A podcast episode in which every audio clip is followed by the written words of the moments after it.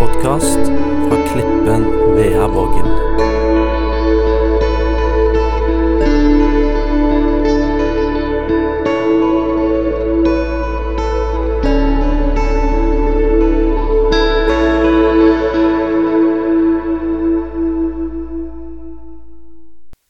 Jeg skal lese en tekst fra 1. Johannes. Eh, han er jo den av de som får leve lengst av disse her eh, apostlene. Eh, og så syns jeg han setter utrolig fint ord på når han tenker tilbake på fortellingen om Jesus, og hva det betyr her og nå. Fra 1. Johannes. Det som var fra begynnelsen, det vi har hørt, det vi har sett med egne øyne, det vi så, og som hendene våre tok på, det forkynner vi. Livets ord. Altså det vi så, det vi hørte, det vi tok på. Kjente. Det forkynner vi. Og livet ble åpenbart. Vi har sett det og vitner om det, og forkynner dere det evige liv, som var hos Far og ble åpenbart for oss.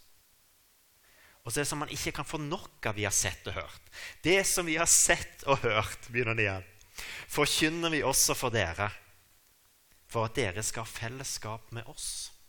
Vi som har fellesskap med Far og med Hans Sønn Jesus Kristus.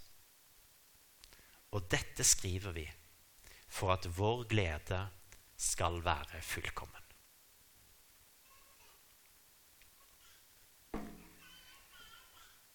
Jeg har lyst vi skal ta en svipp tilbake til første påskedag og ta med oss noen av historiene derifra. Se for deg litt hvordan første påskedag er for Jesus. Bare tenk hva han har vært gjennom alle disse årene fra han ble født og ble menneske, og de siste tre årene med disiplene, og så veien til Golgata. Og på første påskedag så er det ikke et sånn et forsiktig det er fullbrakt. Men det er Det er fullbrakt. Og så står Jesus opp i kraft og møter Faderen og Ånden og alle englene. Og antagelig Josef og røveren på korset og kanskje mange av de andre som har måttet dødd i troen før. Og så er på et vis, det, det et vis det står jo i Bibelen at det er lys, det er kraft. Det er sånne enorme ting som skjer. Der er Jesus på påskedagsmorgen. Og Av og til må jeg ha litt sånn bilder for å hjelpe meg litt. Og jeg, jeg ble jo veldig fascinert av 'Løvenes konge' da den kom. Og det sitter og se der med ungene, og liksom der er circle of life. og måtte Simba bli løfta opp der på fjellet. Og så bølgedyrene hvis du ikke har sett den scenen, så unn deg å se den. Fordi at det er bare så lite i forhold til den festen som er i himmel og på jord når Jesus står opp og sier det er fullprakt. Det som har vært planlagt så lenge for å måtte bygge ei bro mellom himmel og jord, det har skjedd. Det gjør på det budskapet tilgjengelig i hele verden for alle folkeslag. Og det er en fest mellom altså, Hvordan de fester i himmelen, det vet jeg ikke, men, men det må være en enorm glede, intens glede, òg for Jesus, å kjenne det fullbrakt. Veien er åpen. Fra nå av skal dette forkynnes i hele verden. Det er bare så enormt stort. Og så kontrasten fra det til Jesus står der helt forsiktig som gartneren i hagen. Og sier 'Maria'. Det er bare så enorm kontrast. Og hvorfor gjør Jesus det? Han innser jo kanskje at disiplene ikke er der han er, og har delt måte, i den himmelske måte, festen og gleden. Og han ser at han må møte de der de er. Og la de gradvis få bli dratt inn i det store som har skjedd. Men idet han sier navnet og møter Marie Magdalena med Jeg tenker Hun var jo en av de menneskene som er blitt tråkka på. Og så blitt reist opp og fått liksom menneskeverdet tilbake igjen. Stoltheten over å være meg. Jeg kan få lov til å legge fortida bak meg, for Jesus har gitt meg et nytt liv. Og jeg tenker for Maria Magdalena å følge Jesus til korset. Det må ha vært så tøft. Raser hele identiteten min òg nå på hvem jeg er, og som Jesus har gitt meg, når han dør? Jeg vet ikke måte, hva tanker som har gått gjennom hennes hode liksom de siste dagene. Men det er kanskje en fare for at du kjenner på at jeg mister så enormt mye. Og for dere som har vært innom The Chosen, så ser vi jo det at Maria Magdalena får måte, De har lagd et sånn tilbakefall der hun på en måte begynner å tvile på om Jesus virkelig kan reise henne opp igjen. Og så går hun tilbake til sitt gamle liv. Og så er det jo Matteus med Asperger som må, måtte gå og hente henne inn igjen eh, og si 'kom tilbake', og så få på et vis et fornya møte med Jesus fordi at tvilen tok overhånd.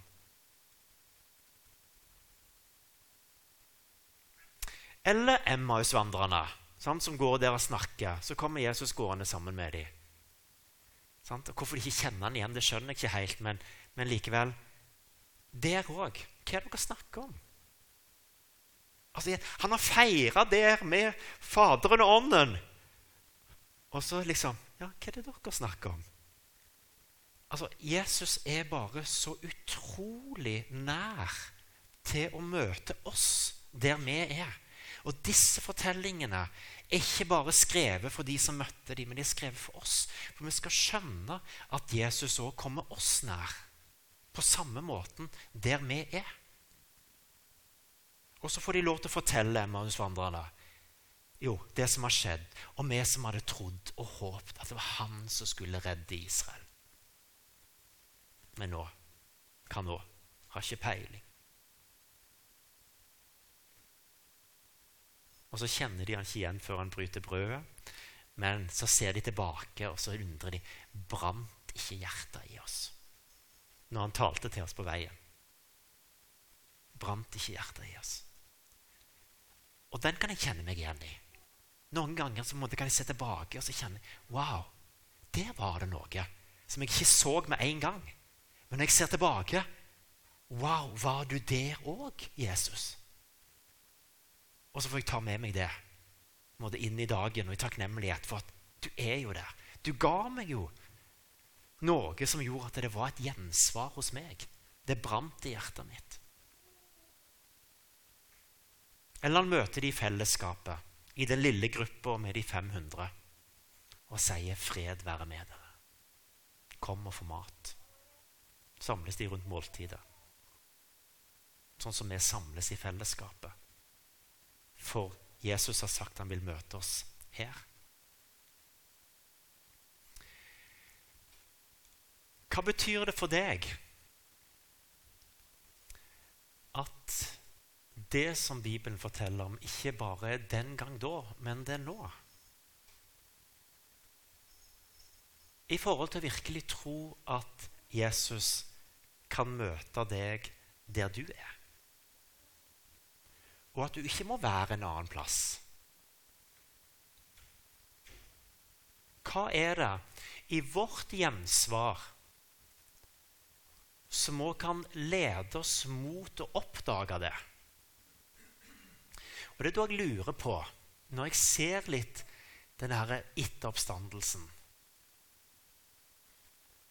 Om kanskje vår vei òg er å sette ord på noe av det som vi kjenner på.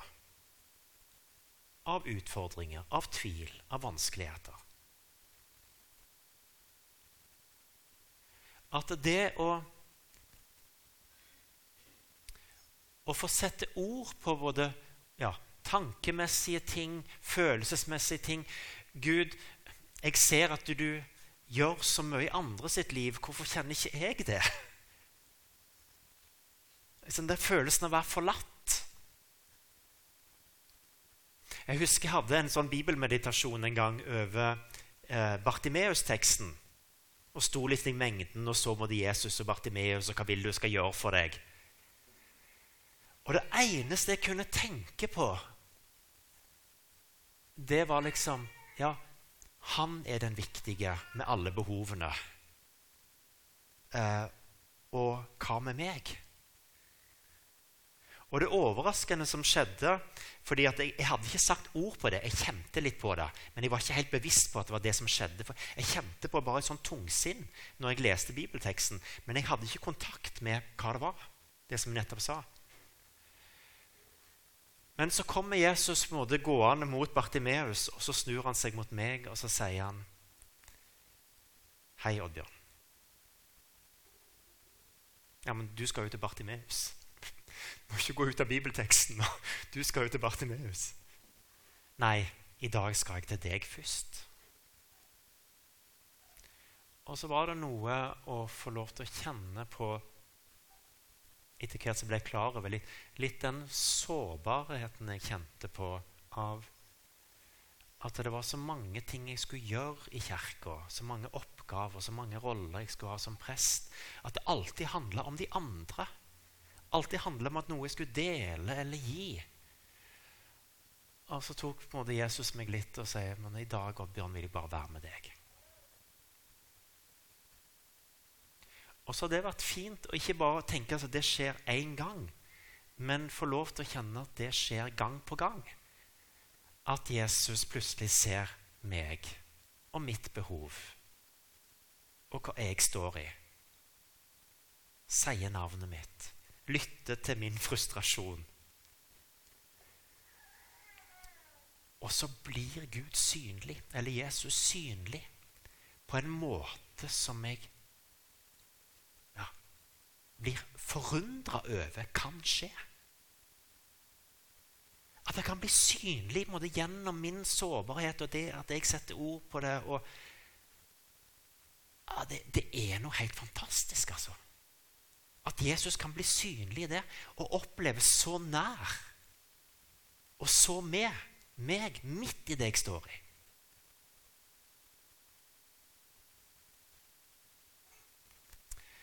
Jeg har lyst til å ta dere med på en liten øvelse.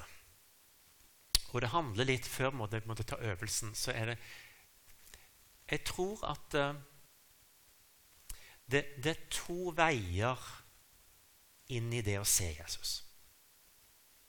Og Det ene er på et vis det som er delt inn på et vis, at, at vi er litt ærlige med oss sjøl og får lov til å møte Jesus med der vi er og kjenne at Jesus kommer nær og møter oss der. Ikke det vi burde vært, eller det vi kunne vært, eller, men det er den ene veien. Men den andre veien, som jeg òg kjenner betyr, eller som jeg ser mer av, det er det å få lov til å se hva Jesus gjør i andre menneskers liv. Altså, jeg delte litt begynnelsen med kanskje var litt misunnelse på hva gjør, Gud gjør i andre menneskers liv noen ganger. Men, men i det store og det hele så kjenner jeg på at det å få se hva den oppstandende Jesus gjør i andre menneskers liv,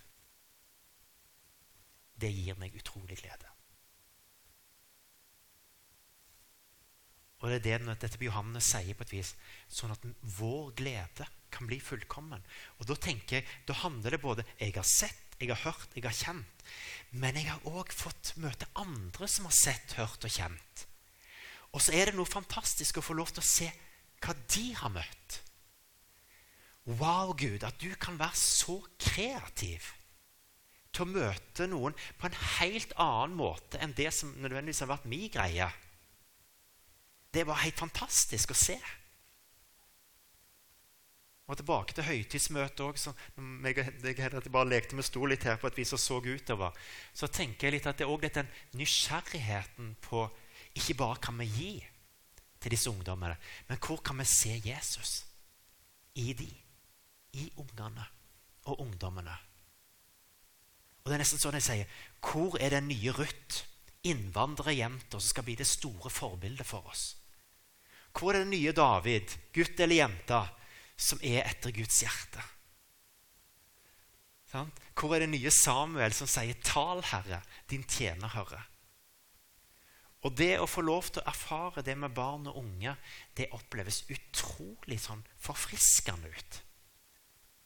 Og Derfor tror jeg det, det er nettopp det der Gud, Jesus kommer nær til meg, og samtidig gi meg måtte, øyne til å se Jesus, hvordan du er nær i barn, unge, voksne og eldre. Ja, helt til livets slutt. Og for av og til få sitte på, en måte, på ei seng med et menneske som er på vei til døden, og sier noe om takknemlighet. Om at Gud har vært trofast. Ja, det har vært noen oppturer og nedturer. Men jeg kjenner meg av og til så utrolig berørt når jeg sitter der på sida av, det dødsleiet og tenker Det er så utrolig fint det du beskriver, at Jesus har vært trofast. Gjennom alt. Av og til har det vært tøffe ting, men Jesus har vært trofast. Og så kjenner jeg litt den gleden. Den kan vi dele. Vi skal ta en liten omvei i øvelsen. Dere får ikke lov til å gå rett på Jesus. Eh, dere skal få lov til å tenke dere en plass der det er godt å være deg. Har du lyst til å lukke øynene, så gjør du det. Men det er bare å tenke litt. Er det ute eller inne? Og det fine med fantasien der kan vi skru på det været vi vil ha. Sånn? Så du kan måtte lage det været du vil ha. Men tenk deg en plass det er godt å være deg. Og nå er du bare aleine først. Velg deg en plass. Hvis du synes det er vanskelig, så må du velge deg en plass. Og så bare lar du blikket gå rundt og se hva som er rundt deg. Er det noe du legger merke til? Kanskje noe du har sett mange ganger, men ta et lite blikk på nytt. Se. Zoom inn på noe. Hvis du har lyst til det, så kan du zoome inn på en liten detalj som du legger merke til. Eller du kan zoome ut og ta et lite overblikk. Og liksom, ta et litt sånn dronebilde. Liksom. Her er jeg og en plass det er godt å være meg. Hva lyder er det rundt deg? Er det stille, naturlyder, musikk? Er det bare ei humle? Mm.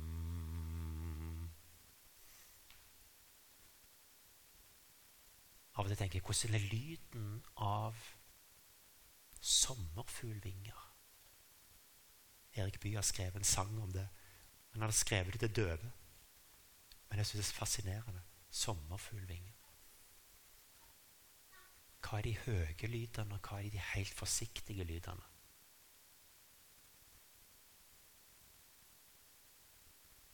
Og Så kjenner du bare litt etter hva du kjenner i kroppen.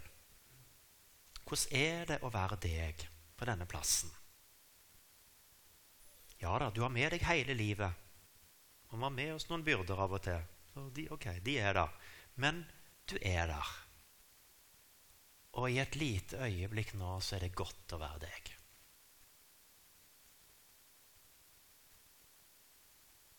La oss tenke oss at du inviterer en venn til å komme på besøk. Og ikke ta Jesus nå. Spar ham til seinere. Men en venn. Eller for noen så kan det kanskje være et barn eller barnebarn eller en ungdom. Eller det kan også være La oss ikke begrense vennskapet. Man bare tenke litt og det kan være en som du ikke har truffet på mange år. Eller det kan være en som du treffer ganske ofte. Men se for deg at denne vennen kommer gående og møter deg der du er. Hva er naturlig hilse? En klem? Eller si hei? Sitter dere, eller står dere? Går dere tur? Er det et måltid mat? Eller er det bare på bryggekanten, eller hvor det måtte være. Samtalen går. Tida går. Og plutselig så er det tid for avskjed. Og du tar avskjed med denne vennen. Den forlater deg, og du blir igjen. Der du er Prøv å fornemme på et vis hva sitter du igjen med av gode ting av dette møtet. Og Det trenger ikke bare være på en måte, hva du tenker, men, men måte, hva du fornemmer. Eventuelt hvor sitter det i kroppen? Hva var det som gjorde det godt å være deg i møte med denne vennen?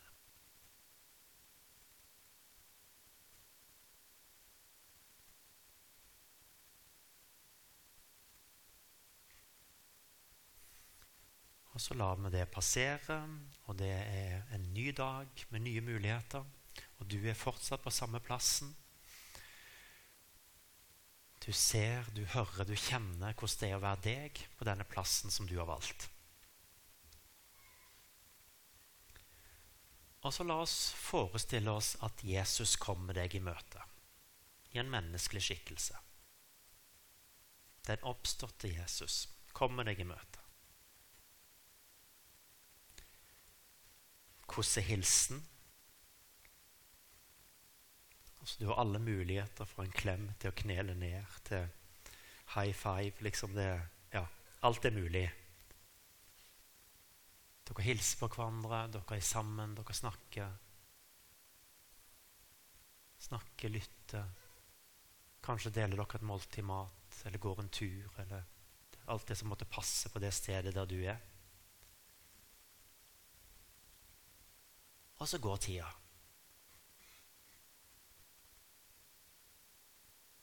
Og blir vi overraska over at Oi, så mange timer det har gått allerede. Og så går Jesus fra deg. Ikke fordi han forlater deg, men en synlig Jesus går iallfall fra deg. på en måte som han gjorde med disiplene.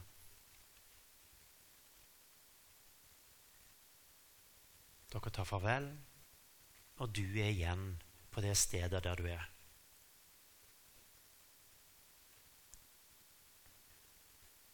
Prøv å kjenne etter. Hva sitter du igjen med fra dette møtet med Jesus? Hva kjenner du i kroppen?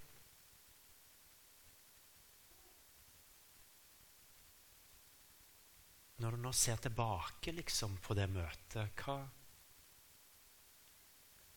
var det noe du hadde lyst til å dele med Jesus, og som han hørte på?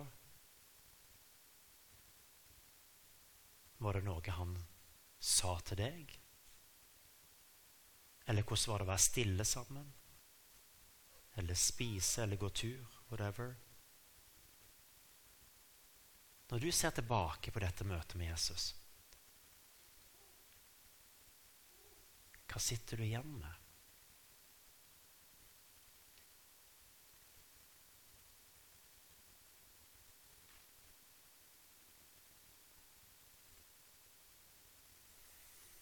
Og hvis du nå òg, når du fornemmer Det er ikke alltid vi har noe sånn konkret hva sitter jeg igjen med. Jeg har ikke peiling, tankene mine på middagen og alt det der som skal skje videre. Liksom. Jeg klarer ikke å konsentrere meg. Slapp av. Ikke stress med det. Men bare tenk en tanke på dette møtet med Jesus, at han virkelig var nær meg.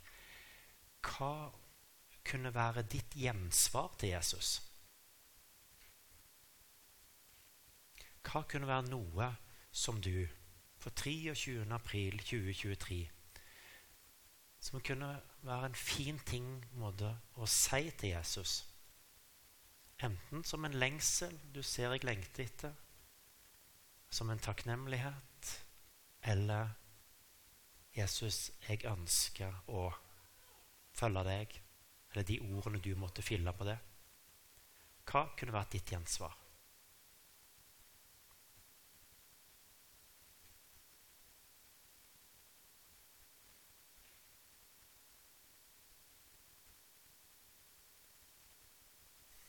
Og enten du finner noe eller ikke, ikke stress med det.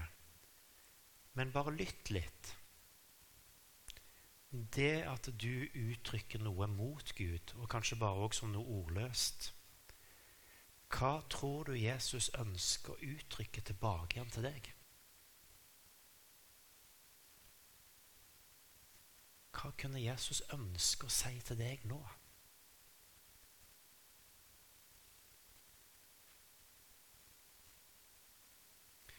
Og Skulle du være der og tenke ja, men Jesus kommuniserer ikke så konkret til meg, det gjør han til noen andre, men ikke til meg, så skal du være klar over at Jesus òg kommuniserer ordløst.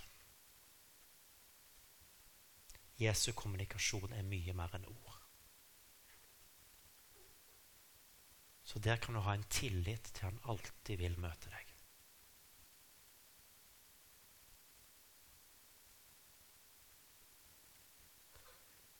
Vi runder av der, vender oppmerksomheten tilbake her.